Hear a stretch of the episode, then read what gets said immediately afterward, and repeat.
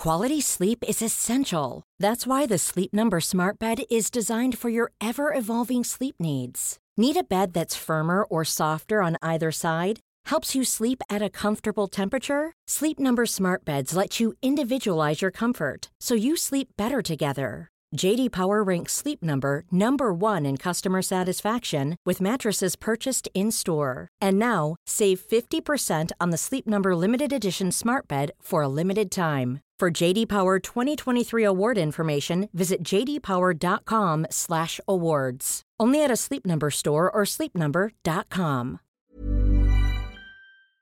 Hormoner är en naturlig och livsnödvändig del av kroppen. Ändå finns det en stor okunskap kring hormoner och vi märker att många inte känner till hur menscykeln eller olika preventivmetoder fungerar. Den här okunskapen kan skapa en rädsla för hormonbehandlingar eller hormonella preventivmetoder och också göra det svårt att veta om och när man ska söka vård för mensrelaterade besvär. Hormoner diskuteras ofta i media, men ibland saknas en vetenskaplig grund för informationen och osanningar och myter sprids och får fäste. Vi på Babys podcast tror att kunskap kring kroppen och dess funktioner bidrar till en stärkt självbild och ett ökat välmående hos kvinnor. Det är ju just därför vi gör den här podden. Kunskap är makt helt enkelt. Därför vill vi tipsa om en hemsida där du kan få den vetenskapligt grundade fakta du behöver och förtjänar. Hormonguiden.se är ett initiativ av Gedeon Richter och är en hemsida framtagen i syfte att öka kvinnors kunskap om hormoner. Som barnmorska och gynekolog gillar vi verkligen den tydliga informationen med bra bilder, strukturerad genomgång av menscykel och preventivmedel. Gör dig själv en tjänst och skaffa dig mer kunskap om din kropp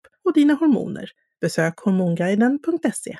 Kvällsoro och spädbarnskolik går ofta hand i hand säger många.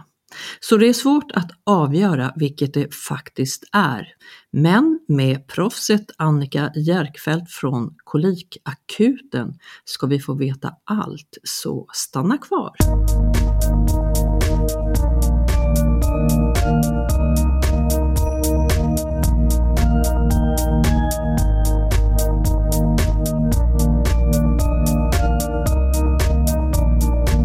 Annika Järkfeldt, välkommen tillbaks till Babys podcast, liksom alla ni andra där ute. Tack så hemskt mycket, det är alltid roligt att vara med. Men du, vi har ju pratat kolik och, och lite av det här med, med kvällsoro tidigare, men jag tänkte att vi ska mer fokusera på kvällsoro, för jag vet ju att det är, det är fullt normalt och det är extremt vanligt och många som frågar om det här. Och du har ju du jobbar ju precis med det här, både som distriktssköterska och ja, precis. distriktssköterska ja. och mer. Ja, jag arbetar ju på barnavårdscentralen sedan eh, åtta, nio år tillbaka och träffar ju mammor och pappor och barn hela tiden, alltifrån nyfödda till och med sex år då. Eh, plus att jag jobbar mycket med amningsrådgivning privat och eh, jobbar även med kolikbehandling privat då, via mitt företag. Ja, och Kolikakuten har, har ju hjälpt eh, och fortsättningsvis hjälper väldigt många med den här jobbiga problematiken som många har med sina barn. Ja. Ja. Eh, och det vill vi lite råda bot på om det nu går att göra det. I alla fall så vill vi eh, få till en bra information runt omkring det här så att ni ska veta där ute att det är normalt även om om det är jobbigt eh, och jobbigt för mamma, partner, hjärtat många gånger och hur vi kan söka hjälp och så vidare. Så Annika, du ska få hjälpa oss med allt det här. Mm. Och var tycker du att vi börjar då? Nej, men jag tänker att vi kan börja med det lilla barnet och det lilla barnets behov. För att eh, det är väl kanske det som krockar lite med eh, föräldrars eh, tanke om eh, barnets behov och vad som har hänt i Sverige sedan vi fick barnvagn. Mm. Det är väl mm. kanske där en stor sak eh, ligger, att vi har barnvagnar och vi har spjälsängar och vi har vaggor och det visar att vi ska lägga våra barn ifrån oss och där ska barnen ligga och vara nöjda. Eh, det stämmer inte evolutionärt med vad barnen behöver och vill. Men det är ju någonting som föräldrar har lärt sig genom media och tradition, att barn ska klara av att ligga själva och de blir bortskämda om man tar upp dem och så vidare. Men det ligger väldigt, väldigt starka instinkter hos våra barn att vara nära sina föräldrar. Att vara nära någon, eh, gärna hud mot hud. Eh, och eh, att inte släppa taget helt enkelt om sina föräldrar. Ja, och, och det, här, det här är ju så himla spännande. Du jobbar ju med lite större barn. Jag eh, jobbar ju med dem eh, gravida innan, under förlossning och, och liksom timmar, kanske max ett par, tre dagar efter. Så de barnen ser jag. Eh, men senast idag när jag såg en eh, nyfödd bebis, eh, inte född ett dygn, eh, precis det här du säger, det är så spännande för att man, man, ser de här signalerna på bebisen när bebisen inte är nöjd och den ligger där hos en förälder. Och i det här fallet så, jag, jag, alltså jag har ingenting emot mobiler, det får ni inte tro, men, men eh, i, i det här fallet så var det, barnet ville ha så mycket uppmärksamhet från sin förälder och låg liksom en bit bort och föräldern lät barnet gråta och förstod ju sen när vi sa att ja, men barnet vill bara komma till dig och blir ju väldigt nöjd med att mm. föräldern la bort mobilen och ägnar mm. sig åt barnet. Och det här mm. är ju lite det du säger. Att, mm. Jag säger inte att varje förälder har en mobil och eh, barnen är olyckliga för det, men det är många faktorer eh, det och det, det skapar så mycket trygghet, den där närheten ja. eh, och bekräftelsen som barnet behöver. Ja, och just eh, bekräftelse också, inte bara med hud mot hudkontakt men också med blickar och att man har sin uppmärksamhet riktad emot barnet. Och det är ju, om vi då kommer in på mobiltelefonianvändning eller eh, använda paddor och, och eh, datorer och tv-apparater och allting sånt så är ju det någonting otroligt magiskt i det, att vi sugs in i det och kan inte släppa. Och vi blir ju faktiskt inte så uppmärksamma på våra barn när vi sitter och scrollar på våra telefoner. Det är ju verkligen en sanning som är sant. Eh, och det, det stör eh, lite grann vår anknytning till barnen. Men det, vi kan inte leva utan våra mobiltelefoner nu för vi har ju hela våra liv i dem. Så det här är någonting som vi behöver lära oss hur vi ska förhålla oss till eh, för att det ska bli bra för våra barn och för att vi ska få en god kontakt. Precis. Så det är något vi behöver lära oss. Det behöver vi, det behöver mm. vi verkligen. Och som du säger att det här är inte att shamea någon utan eh, det är mer ett sätt liksom att lära oss eh, hur, hur ska vi leva, leva livet när vi har eh, sociala medier runt omkring oss eh, dagligen och eh, mobilen både ringer och blippar och allt vad den gör. Och vi behöver mm. skaffa oss information och så vidare. Så det är ett jättevärdefullt eh, sätt att kommunicera med omvärlden. Eh, men eh, just det här att eh, lära oss också att eh, barn behöver mycket uppmärksamhet. Ja, och de behöver ansikten, de behöver sina föräldrars ansikten och föräldrars ansiktsuttryck och föräldrars blick. Det är så otroligt värdefullt för dem att få det. Och vi har ju, alltså mobiltelefonerna har ju verkligen revolutionerat. Det har ju gått väldigt, väldigt fort från att ingen hade eh, en, eh, en eh, smartphone till att alla har smartphones. Till och med, vi ser ju barnen ända ner i, de är ett år och ett, ja, mindre än ett år ibland och de vet hur de scrollar på en telefon. Mm. Det är någonting väldigt magiskt i det och vi behöver återta den vi behöver återta den riktiga kontakten mellan, mellan människor. Inte bara mellan barn och föräldrar utan mellan alla. Eh, och, eh, och lära oss att hantera eh, våra sociala medier. Det är inte lätt. Ehm, det är något jag sliter med själv men det är någonting som vi måste göra för att vi ska må bra i längden tror jag. Och vi kanske inte har något bra svar på det idag, hur Nej. man bör göra, men ett första tips det är kanske att, att släppa mobilen, paddan, vad det kan vara, en, mm. en liten stund och mm. tänka mer på barnet. Det är klart mm. att vi alltid tänker på våra barn, men ibland så eh, glider vi lätt över i den där mobilen och vi har ett gråtande barn. Och det är väl ingen fara i sig att barn är lite ledsna en stund, men eh, ledsenheten betyder ju oftast någonting, att mm. barnet vill någonting. Barnet mm. signalerar mm. på det sättet. Absolut. Men du, jag måste fråga dig, du, du sa med våra vagnar, då mm. måste jag fråga, mm. eh, vad menade du? Va, hur tänker du? Nej men jag menar att eh, det, här är, det här är kontroversiellt att säga såklart. Men eh, alltså vi, vi är födda för att vara nära våra föräldrar, vi är födda för att vara burna på våra föräldrars kroppar. Eh, så det är ju någonting som, kan man få med sig det eh, direkt ifrån BB, att man inte blir lagd i baljan eh, som man ju får in rullad, utan att man faktiskt är hos sin förälder och fortsätter med det under de första månaderna i livet. Då menar jag inte dygnet runt, men eh, väldigt mycket av tiden är ju en eh, har barnet egentligen ett behov av att vara nära sin förälder för att bli trygg, för att få värme, för att få hjälp med sin blodsocker, eh, ja, få ett bra blodsocker och att minska sin energiåtvin, eh, energiåtgång eh, när man är alldeles nyfödd i vart fall. Eh, och känna trygghet, känna värme. Barnen har legat inne i mammans mage i nio månader och är ju trygga med den rollen och eh, att få vara nära, gärna hud mot hud eller åtminstone bara nära, eh, nära hjärtat är ju väldigt, väldigt tryggt och, och skönt för barnet och utvecklande. Där jag jobbar Annika, där har vi börjat Eh, med, det kanske många kliniker har hållit på med länge, men med, med sådana här bärtuber till det Jättebra. nyfödda barnet. Mycket bra. Eh, och på vissa av våra rum, eh, vi är såklart eh, flexibla med den där lilla barnvagnen, barnbaljan som vi kallar den, mm. som man såklart ska få om man önskar. Men, men det här är ett sätt liksom att eh, ha den där bed in bedden, där barn ska vara nära, mer nära föräldrarna och där vi då redan från förlossningen ger en bärtub för att den ena eller andra föräldern eh, eller medföljare får en sån här bärtub och eh, gärna då bär barnet hud mot hud redan mm. från första, första start. Mm.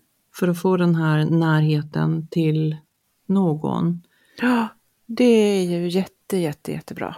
Mm. Det är verkligen så vi borde stötta våra bebisar ifrån allra första början och sen även fortsätta med det när man kommer hem då. Ehm, det är en överlevnadsinstinkt för barnen att eh, vara lite aktiva på kvällen, att inte, att inte vilja bli bortlagd så att säga utan få vara nära sin, sin förälder eller sin, någon annan vuxen då som är trygg. Men föräldrarna är ju väldigt nöjda med det här också. Mm. För den informationen kanske de inte har tänkt på själva innan. Så att det Nej. är absolut inget fel på er föräldrar, ni är fantastiska ja. och gör det bästa för era barn och du är bäst för ditt barn, alltid. Ja. Men vi kan ge den här informationen och att ni provar er fram på det här sättet. Och jag kan säga att vi har väldigt mycket nöjda föräldrar ja. och barn på det här sättet.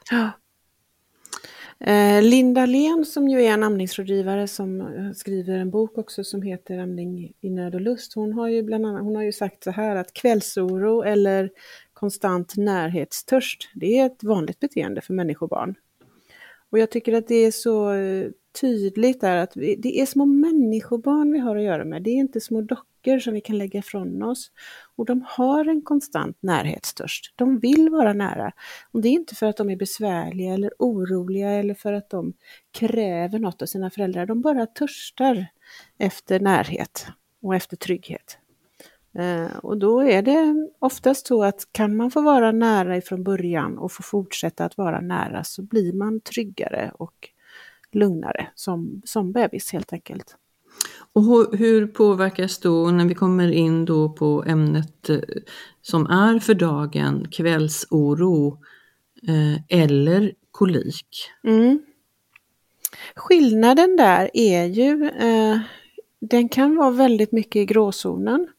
Eh, det kan ibland vara svårt att avgöra vad som är vad, men det är viktigt att känna, skillnad, känna till skillnaden. Eh, vid kvällsoro så går det oftast att trösta barnet genom att ge närhet, genom att vara nära, genom att amma, genom att eh, flaskmata eller att, genom att bära i bärsjal, att vara i rörelse. Eh, däremot när barnet har kolik så går det inte att trösta. Barnet är väldigt ledset eller väldigt upprört eller har väldigt, väldigt svårt att komma till ro oavsett vad man gör som förälder. Eh, så där är en stor skillnad. Och vi har ju många studier som visar att det är helt normalt för ett barn att vara eh, missnöjd och, och, lite orolig och ha kvällsoro ett par timmar per dag. Det är helt normalt för ett barn, vem som helst.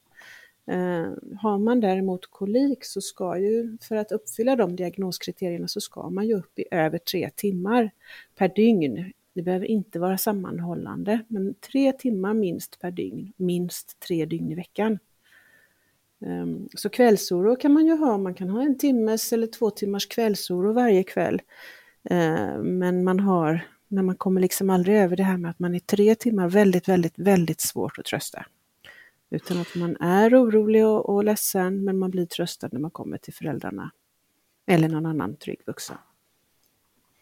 Men du, eh, då är vi inne på eh, kolik lite grann och då mm. måste jag säga, nu har vi pratat om att hålla barnen nära mm. Eh, och bära och vara mm. uppmärksam. Men jag vet att du tidigare har sagt, när vi ändå är inne på då kolik, mm. att där kan ibland då barnen faktiskt vilja vara för sig själv. Ja, så kan det vara. Men våra barn som har kolik kan ibland tycka att det blir väldigt påfrestande att bli buren nära, nära.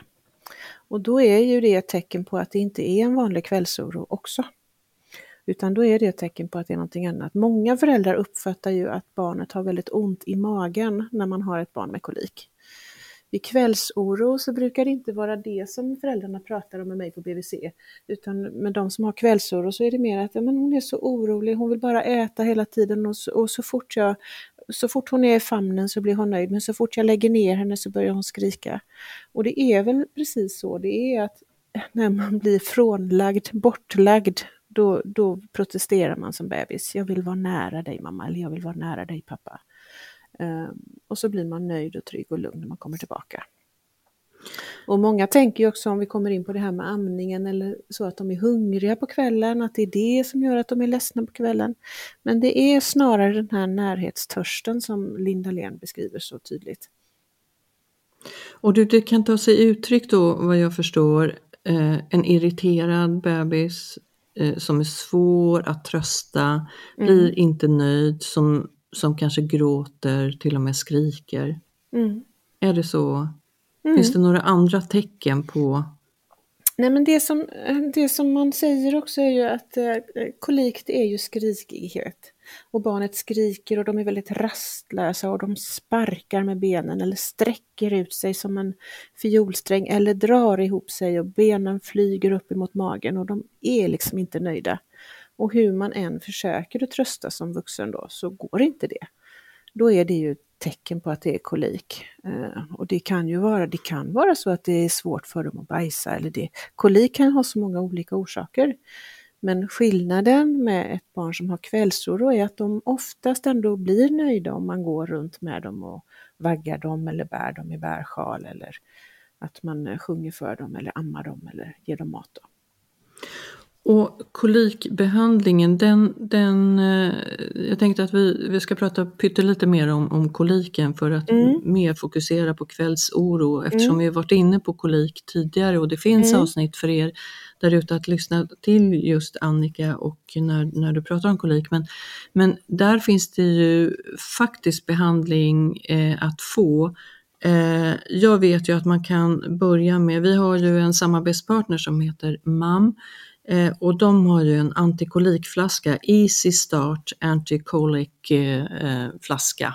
Mm. Eh, har ju de och jag vet att du använder dig av också antikolikflaskor men du kör ju också, eh, du kör ju även akupressur och akupunktur och massage, Aku visst gör ja, du det? Akupunktur är ju det som är, men det är ju bara en del i kolikbehandlingen. Så att jag, jag skulle väl eh, egentligen rekommendera att ni lyssnar på det avsnittet där vi pratar om kolik. För det är många olika saker som man gör med kolik. Det handlar både om eh, matningstekniker, både flaskmatningstekniker men också amningstekniker. Men det handlar också om vilken sorts ersättning eller vilken sorts mat man äter eller inte äter. Och sen eh, är det väldigt många olika andra saker som man gör för att hjälpa till att lugna nervsystemen och eh, sänka adrenalinhalterna och öka oxytocinet, det här välgörande kärleks och må bra-hormonet. Eh, men också då akupunktur som man kan ge som en kolikakupunktur. Men det är inte bara akupunkturen utan vi måste lägga till de här andra sakerna också. Så det är ju ja, det är mycket man behöver tänka på där när man, och när man går in vi var inne på, på antikolikflaskan och mm. MAMS Easy Start Anticolic. Mm. Eh, där, och då tänker jag också, så, eh, precis som du säger, att här handlar det om eh, flaskmatningstekniker dessutom. Ja. Den är viktig. Men det är också, eh, alltså eh, MAM har ju väldigt bra flaskor, de är väldigt prisvärda och väldigt bra att använda. Eh, och de här eh, antikolikflaskorna, de kostar inte en förmögenhet, men det handlar också om att man får till en bra, amnings, eh, en bra eh, flaskmatningsteknik där. Ehm, och ehm, det kan man ju också lyssna på i Amningspodden. Mm. Eh, där Precis. pratar vi också om hur man kan tänka att man ska mata med flaska eh, för att få ett eh, optimalt flöde för de här barnen. Och det gäller ju alla bebisar egentligen. Det gäller inte bara bebisar med kolik utan det gäller lika mycket bebisar som har kvällsoro. Att matningen blir en stund som är trevlig för barnet, att det inte blir någonting jobbigt. Och bara minska ner magknipet som man kan göra med det. Mm, mm. Men du, Absolut. Ja men absolut. Ja, men du, kvällsoro då. Mm. Eh, hur vanligt är det? Jättevanligt. Det skulle mm. jag säga att jag har nästan alla bebisar. Mm. alltså nästan alla bebisar, det är verkligen så att det kommer framåt eftermiddagen, kvällen, oftast framåt kvällen.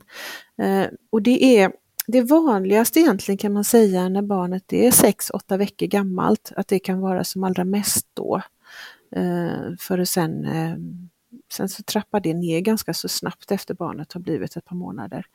Men vi har ju Inom barnhälsovården så ger vi ju också Rotarixvaccin som kan, som kan stöka till det lite för magarna för de här bebisarna och då ger vi ju den första dosen där vid sex veckor. Så det kan ju också vara så att det sammanfaller lite och gör att det blir lite stökigare kvällar för att de har fått eh, vaccination mot eh, magsjukan eh, rotavirus. Då. Eh, men det är väldigt, väldigt, väldigt vanligt. Jag skulle säga att nästan alla barn har kvällsoro någon gång i livet. Men, eh, men det börjar inte direkt efter förlossningen? Det börjar inte direkt efter förlossningen men det kan ju vara så att när barnet är någon månad så börjar de att bli lite mer oroliga och kinkiga på kvällarna och så är det som allra värst oftast. Eh, oftast strax innan två månaders ålder och, och ett par veckor till efteråt. Sen, sen så brukar det faktiskt lugna sig igen och det brukar bli bättre. Helt spontant. Och finns det någonting man kan göra för att undvika det? Det vill vi ju gärna göra i så fall. Ja, alltså det är ju som vi började det här avsnittet med, närhet, närhet, närhet. Det är det allra bästa. Att vara nära. Och faktiskt också att inte överstimulera sina barn. Att man försöker att hålla sig lite granna i sin bubbla. Um, Covid och corona, alla de coronarestriktionerna som vi hade under ett tag här i Sverige och över hela världen för den delen, har nog hjälpt många barnfamiljer att slippa mycket kvällsoro. Just för att man inte har varit på massa utflykter på dagarna, man har inte fikat överallt med flera kompisar och man har inte varit på museer och man har inte sprungit på IKEA i onödan. Utan man har varit mera hemma och tagit det lugnare och varit i färre, med färre personer. För barnen, eh, när de är så här små, så tar de in väldigt mycket Eh, det, det fylls på väldigt mycket i deras hjärna utav alla intryck som de är med om under dagen. Och de är ju allra tryggast när de är nära sin förälder. Så det är också ett sånt tips som jag kan ge, det är ju ska man ut och träffa andra människor så låt inte ert barn gå runt som eh, en skickedocka runt bland hela församlingen utan låt barnet vara nära dig och gärna i bärsjal så att det verkligen är tydligt att här är mitt barn, det stannar här. det ger en liten signal till alla andra vuxna runt omkring. För vi har ju så svårt för att låta bli att komma nära bebisar. Det är ju något attraktivt med bebisar som vi alla dras till. Vi vill gärna komma dit och prata lite med dem. Men vi kanske för bebisarnas skull ibland måste låta dem vara i fred. When you're ready to pop the question, the last thing you want to do is second guess the ring. At BlueNile.com you can design a one-of-a-kind ring with the ease and convenience of shopping online. Choose your diamond and setting. When you find the one, you'll get it delivered right to your door. Go to Bluenile.com and use promo code LISTEN to get $50 off your purchase of $500 or more. That's code LISTEN at Bluenile.com for $50 off your purchase. Bluenile.com code LISTEN. Millions of people have lost weight with personalized plans from Noom, like Evan, who can't stand salads and still lost 50 pounds. Salads, generally, for most people, are the easy button, right? For me, that wasn't an option. I never really was a salad guy. That's just not who I am. But Noom worked for me. Get your personalized plan today at Noom.com. Real Noom user compensated to provide their story. In four weeks, the typical Noom user can expect to lose one to two pounds per week. Individual results may vary. Ja, och ibland så är ju inte det här, om jag förstår det hela rätt, det är ju ingen quick fix, utan det tar sin tid och man får försöka att utesluta Ja, de här, du säger, nya intryck och, och den informationen har jag fått från, från flera föräldrar också, att, att barn är mera oroliga på kvällen när det har varit mycket aktivitet på dagarna. mm.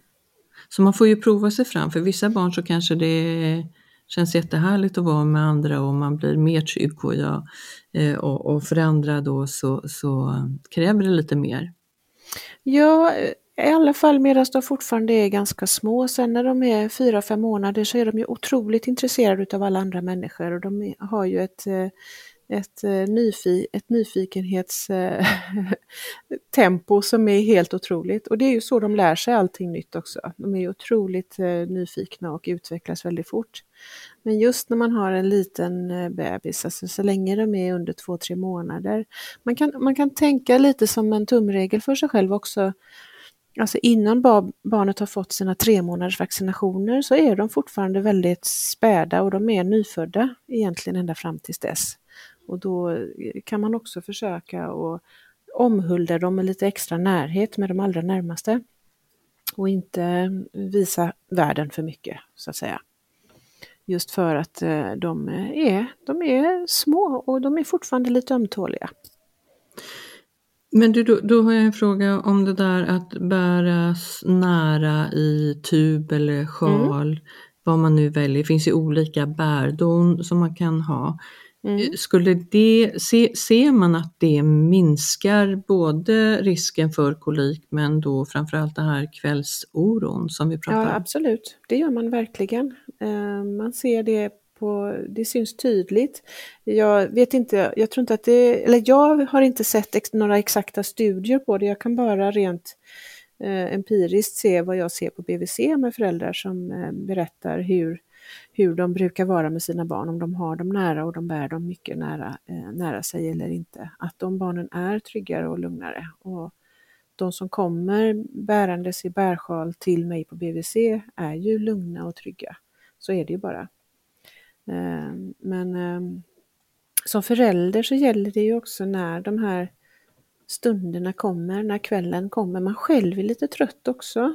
Det är ju att försöka bara tänka att det här är nu. Så här kommer det inte vara forever. För det är ju någonting som hela tiden utvecklas. Utan att man försöker att behålla lugnet själv och bara ta det lugnt liksom i soffan eller sängen eller vart man är. Och man ammar och man gör inte så mycket. Man lägger, man lägger kvällen på att vara nära sitt barn helt enkelt. Inte att göra så mycket andra saker.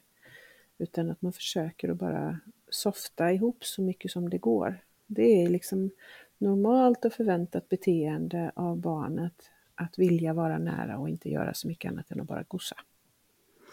För, för det är, vi fick frågan av flera, är det fel att bära eh, mitt barn i bärsele större delen av dagen? Och, och den, nu har ju, den har du ju besvarat gånger flera. Ja, nej, alltså bär, eh, jag tycker inte, eh, det kan säkert finnas de som tycker annorlunda än vad jag gör.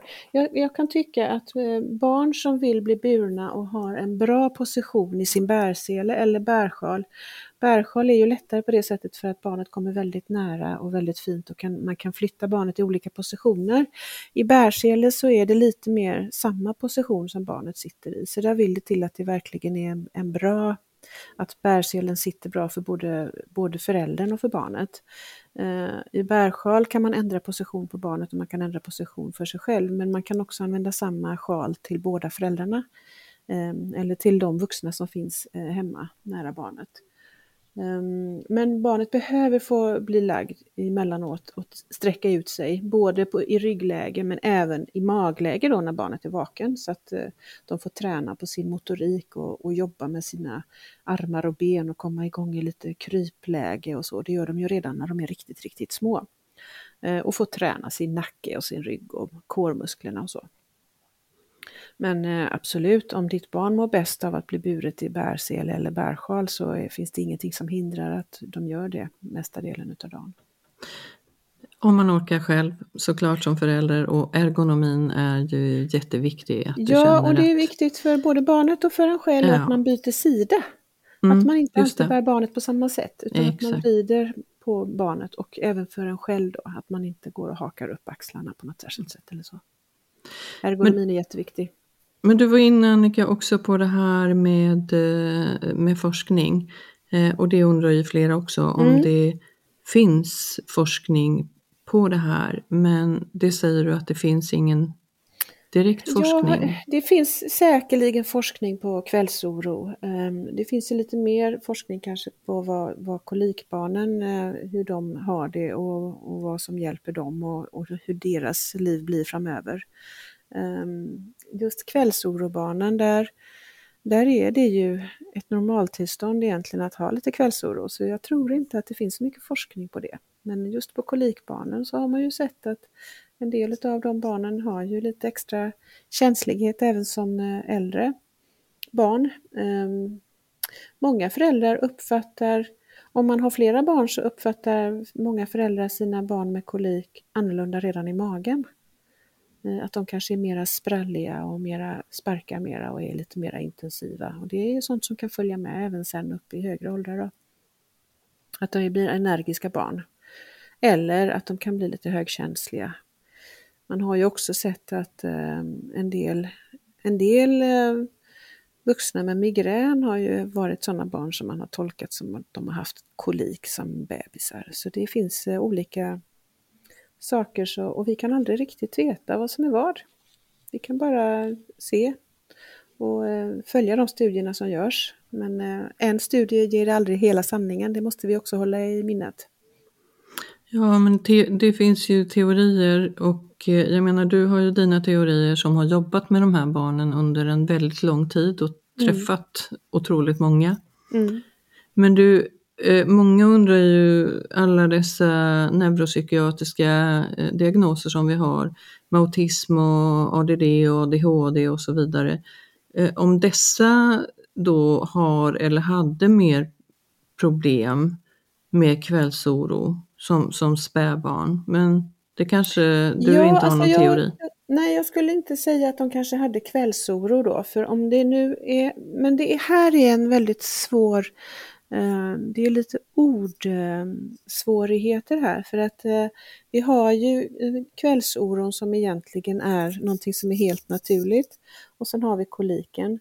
Många föräldrar tänker att deras barn har haft kvällsoro men de egentligen haft kolik och tvärtom. För att man har aldrig riktigt fått någon diagnos eh, satt på sitt barn. Och det är väl inte så att vi måste ha diagnoser på våra barn jämt och ständigt, men ibland så underlättar det ju när man ska göra studier och så vidare längre fram då. Eh, jag hade ett föräldrapar till exempel som sa häromdagen senast att eh, ja, men vi tycker att vårt barn har lite kvällskolik. Och det finns inget ord som heter kvällskolik, utan då är det ju att man har antingen har man kolik eller så har man kvällsoro. Så det är väldigt lätt att blanda ihop de här olika eh, orden. Men eh, jag skulle säga att det finns ju forskning som tyder på att eh, vissa barn som senare diagnostiseras med eh, neuropsykiatriska funktionsvariationer har haft kolik som barn, som bebisar redan. Mm. Det finns en överrepresentation bland dem. Sen skiljer sig ju de här autism, ADD, ADHD och så vidare och sen så finns det ju dessutom eh, individuella skillnader Ja. Såklart. Ja, absolut. Men du, eh, om man tittar på de här barnen då så, som, eh, som jag sa förut, det är ju jobbigt. Eh, eh mm. Föräldrarna kan ju behöva stöd i det här, ta stöd mm. av varandra och ta mm. stöd av anhöriga. Mm.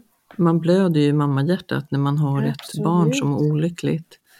Eh, men att man eh, ändå ser det. Jag tycker att det är, det är så viktigt att du säger att det är nästan varje barn ändå, att man ser mm. att det är ett normalt beteende och att vi faktiskt kan prova med det här som, som du pratar om och dessutom ta stöd av varann och inte känna att vi kanske är dåliga. Nu säger du att ja, men försök att inte ha så många personer runt omkring. Ibland är det ju nödvändigt att ta in en anhörig ja, som hjälper till. Eh, men det kanske inte är att bära barnet utan det kanske är hjälp med att städa, laga mm. mat, göra det mm. där alla omkringsysslor. Liksom. Ja, ja, ja, absolut. Så att det, det är viktigt att vi känner att eh, du är inte dålig för att du tar hjälp och stöd utan gör Nej. det. Man det blir mycket bättre nog, förälder. Jag tror minsann att vi ska bli duktigare på det där, att hjälpa och stödja våra allra närmaste. Eh, det jag menar när man inte ska ha för många runt sig, det är att man inte ska ingå i stora sammanhang om man inte så att säga måste, men, men att ta hjälp av de närmaste, de närmaste familjemedlemmarna och då menar jag även nästa generation och så vidare, även systrar och, och farbröder och allt vad som man kan hämta som, som har en eh, relation till barnet som träffar barnet ofta kan avlasta genom att vara nära och även hud mot hud till exempel. Men också som du säger, vara där och laga mat eller vara där och natta de stora barnen eller hjälpa dem att bada eller göra läxan eller vad det kan vara. Det finns ju så många olika saker som behöver eh, skötas om i lugn och ro i ett hem. Men jag tänker också att det är väldigt viktigt att vi tänker på, vi pratade förut om mobiltelefoner och vilken snabb eh, push in i våra liv som det har haft. Den här instinkten att inte vilja vara ifrån sin förälder, den, den eh, vi vet inte, men det kanske faktiskt är så att det är sedan den tiden när vi sov i grottor, att vi skulle se till att, eh, att barnen såg till att inte föräldrarna kom för långt bort så att säga, utan att de höll sig mer eller mindre vakna. Mm, just när de har somnat så vill de vakna till igen och undra vad min förälder är. Att eh, det är en trygghetsskapande för dem att man inte somnar för djupt så att det kommer någon räv och nyper en i tårna eller vad man gör då. Ja. man kan det, tänka, det är också väldigt spännande. Ja, kan man tänka det som vuxen så kan man eh, eh, slippa känna den här liksom, stressen över att mitt barn kan inte sova självt. För det är inte meningen att små bebisar ska sova själva. Vilken instinkt vi har. Ja, vi har en stark instinkt för att skydda våra barn, våra efterkommande. Eh, och våra bebisar har en instinkt att se till att inte bli övergivna. Mm. Att ingen kommer att ta mig. Ja, mm. jag är trygg hos min förälder. Ja. ja. Men du, vad, vad, vad, tror du om, eh, jag som jobbar mycket med gravida och födande, jag tycker ju att eh, man många gånger mår bra av massage och mm. härlig lugn musik, mm. värme. Är det någonting som man skulle kunna eh, använda till de här barnen? Absolut, och det är ju, man tänker ju väldigt ofta um, om vi går tillbaka till det här med att vara i en bärsjal så är ju det varmt och skönt och det är omslutande. Det är som att vara i en god kram hos sin förälder, brukar jag förklara för föräldrarna och det blir så tydligt när de, när de känner det, när de får sitt barn väl placerat i en bärsjal och det känns tryggt och lugnt och de kan sänka axlarna. Det blir som en eh, massage dessutom. Det blir som en god magmassage att vara nära sin mamma eller pappa mot magen. Eh, det är, det är någonting som är jättefint och man det blir nästan automatiskt också att man klappar på ryggen och att man puffar lite i rumpan även om barnet sover tryggt. Man fortsätter att ge dem taktil beröring och taktil stimulering. Eh, som förälder man kan nästan inte låta bli att känna på de små fötterna. Och det blir ju en slags massage och taktil beröring som ökar oxytocinfrisättningen. Alltså det blir lugn och ro och eh, smärtlindring för barnen. Och då tänker jag att, jag, jag, sa att gravida och födande mår, mår bra av det här och det är klart mm. att vi alla gör det. Mm. Eh, och sätter vi på den där härliga musiken som vi mm. själva blir lugna av, mm. eh, då sänker vi själva våra stresshormoner som faktiskt barn känner av mm. och får mera lugn och rohormoner i oss och det mm. kanske också eh, troligtvis påverkar barnet så att vi inte överför den där stressen till barnet. Absolut. Det tror jag, när man har barnet nära så gör man det rent kroppsligt överför sitt lugn till barnet. Men sen finns det också någonting på psykologispråk som heter affektsmitta. Eh, och där är det ju också att det som man själv känner, det smittar man av till andra. Så kan man själv hjälpa sig att lugna sig själv och inte bli stressad av att mitt barn skriker utan att man kan hjälpa sig själv att hålla sig lugn. Så sprider man det lugnet till barnet. Så det är ett väldigt viktigt eh, hjälpmedel att sänka sin egen stressnivå för att hjälpa till att lugna sitt barn. Och det är samma sak som vi gör när vi, vi hyschar och vi vyschar och vi sjunger små eh, lågmälda sånger till våra barn.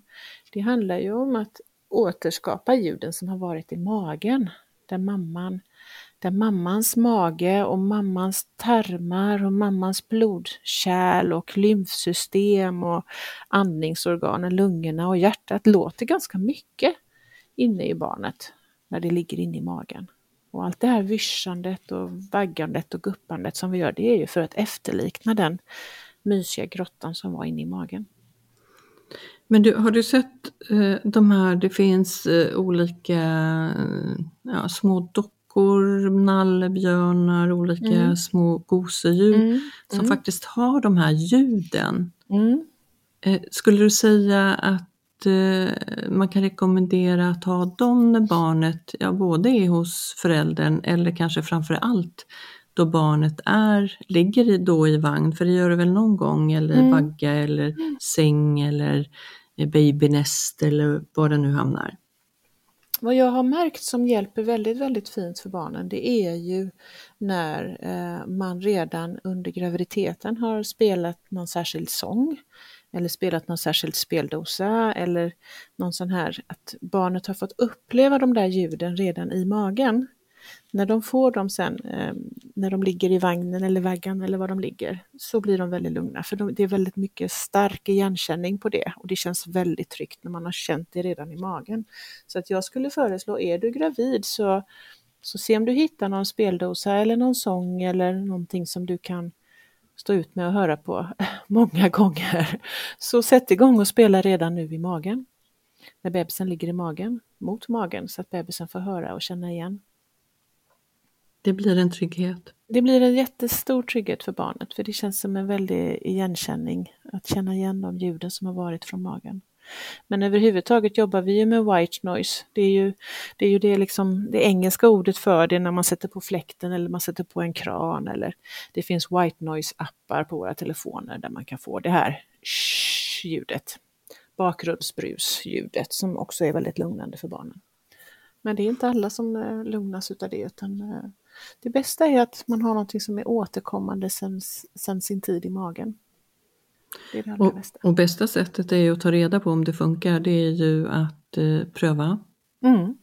Eh, och ta bort och pröva mm. igen och ta bort och mm. se hur barnet reagerar på så mm. sätt.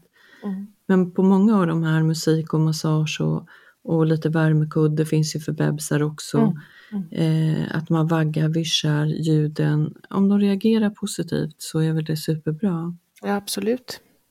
du var inne på taktil beröring, alltså den här eh, att man berör med sina händer, långsamma rörelser och så vidare.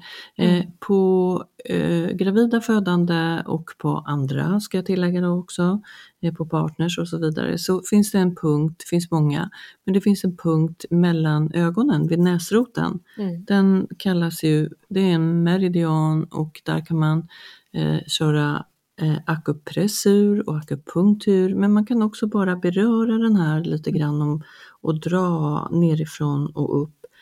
Yin Tang kallas den och mm. många gånger när, när eh, kvinnor föder, då tycker de det är jätteskönt att man trycker eller bara drar försiktigt. Och likaså med de här små, små nyfödda barnen har jag märkt på BB. De blir väldigt lugna för det är en lugnande punkt. Så tips till er där ute att köra den på er själva, kör den på er partner och kör den på ert nyfödda och lite större barn. Prova! Det funkar jättebra även på de barnen som är ett par månader gamla. Det är en utmärkt punkt att göra. Mm. Det är lugnande. Det är lugnande. Man lugnande ser hur de njuter. ja. Mm. Nu har ni fått en massa tips där ute. Eh, jag kommer att tänka på en sak, att linda barn. Mm. Vad säger du om det? Ja, det där är lite svårt för det har känts som att det har blivit på modet igen. Eh, I USA till exempel så lindar de ju mycket barn och eh, i Sverige rekommenderar vi inte att linda våra barn utan vi vill ju att barnen ska kunna röra sig fritt. Eh, det finns dock vissa barn som mår bra, särskilt när de är nyfödda, eh, att eh, linda dem. Men jag, jag jag är tveksam till om det är det bästa. Jag tror egentligen att det är bättre att vara i så fall lindad, förstå mig rätt, i en bärsjal hos mamma eller pappa. Mm. Att man inte ligger själv lindad utan att man är nära sin förälder. Där blir det också väldigt tryggt och omslutet så i en eh, gosig kram. Ja, och om det här så finns det säkert reaktioner åt varsitt håll och det kanske är ett helt avsnitt om att Ja, det barn. kan det säkerligen mm. bli. Ett intressant håll, sådant. Håller vi oss till vad, vad, vad Socialstyrelsen fortfarande rekommenderar vad det gäller med att eh, skydda barnen mot plöts, plötslig spädbarnsdöd så ska vi ju inte linda våra barn. Mm. Mm. Och det ska vi säga, för där kommer många reagera också, att det är mm. enbart rekommendationer och där ja. får man titta vad som passar ditt barn och dig som förälder ja. bäst också. Ja. Men Absolut. det är ändå viktigt att vi att vi också lyssnar på våra rekommendationer. Men att eh, vara lindad i bärsjal, det är toppen. Ja. lindad med själva bärsjalen mot sin förälder. Mm. Mm.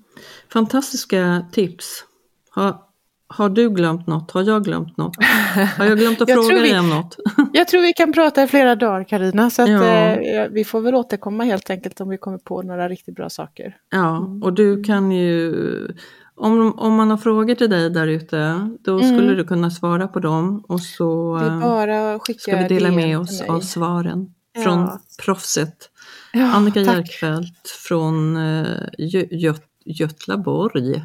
Ja, det är så härligt för det är bara ni som inte bor i Göteborg som säger Götlaborg. Ja, ja det är liksom, då har man avslöjat sig. Ja, det har man, ja, det har man verkligen gjort. Ja, men jag, jag älskar dialekten, den är ja. superskärmig, god. Det är gött. Ja, vi kan inte hjälpa det brukar vi säga. Nej, nej men ni ska inte hjälpa det, ni ska nej. vara stolta över det. Eh, och Kolikakuten ska vi väl ändå nämna återigen. Där hjälper du väldigt många barn och man kan ta kontakt med dig eh, och din kollega eller kollegor på både Instagram och Facebook. Jajamän. Mm. Instagram är vi mest aktiva på ska jag ju ärligt säga, men vi mm. finns på Facebook också. Det brukar vara så idag. Ja, ja. Eh, och vi ska väl tacka MAM än en gång för att vi mm. har tillfälle att göra fina poddavsnitt och vi har nämnt eh, Easy Start Anticolic och det här är alltså en nappflaska som vi vet att många av våra kollegor rekommenderar. Och ni ska såklart eh, prova er fram och ta det ni tycker passar för ert barn. Det, det är viktigt. Men Annika? Ja? Stort tack för många mycket värdefulla tips. Ja, stort tack för att jag blev inbjuden igen. Jättekul, men du är helt säker på att du kommer tillbaks. Ja, och jag är helt bra. säker på att jag kommer att bjuda in dig så att du måste tacka ja. Ja, men det ja, lovar jag. Redan nu till nästa. ja, och se vad vi hittar på för temaämne. Men ja. eh, det handlar om eh, det som du jobbar mest med och det är eh, små nyfödda och lite större barn också. Mm. Du, hälsa Göteborg. Det ska jag. Och ha och det så gott det i Stockholm. Ja. Ja, ja. Ha så, det gott. Eh, så Hälsa kungen. Ja, ja, absolut. absolut. Träffas ja, varje dag. Ja, det är bra det. Ja, det är härligt. Sköt om er. Ja, ja, tack snälla du. Och tack, tack alla ni där ute för att ni har lyssnat på fantastiska Annika Jerkfeldt Kolikakuten. Eh, och ni som vill ställ frågor via vårt Instagram, ett så ska vi skicka dem vidare till Annika och teamet i Göteborg och ni ska få svar på era frågor. Det lovar vi. Men vi hörs snart igen och eh, ha det fantastiskt till dess.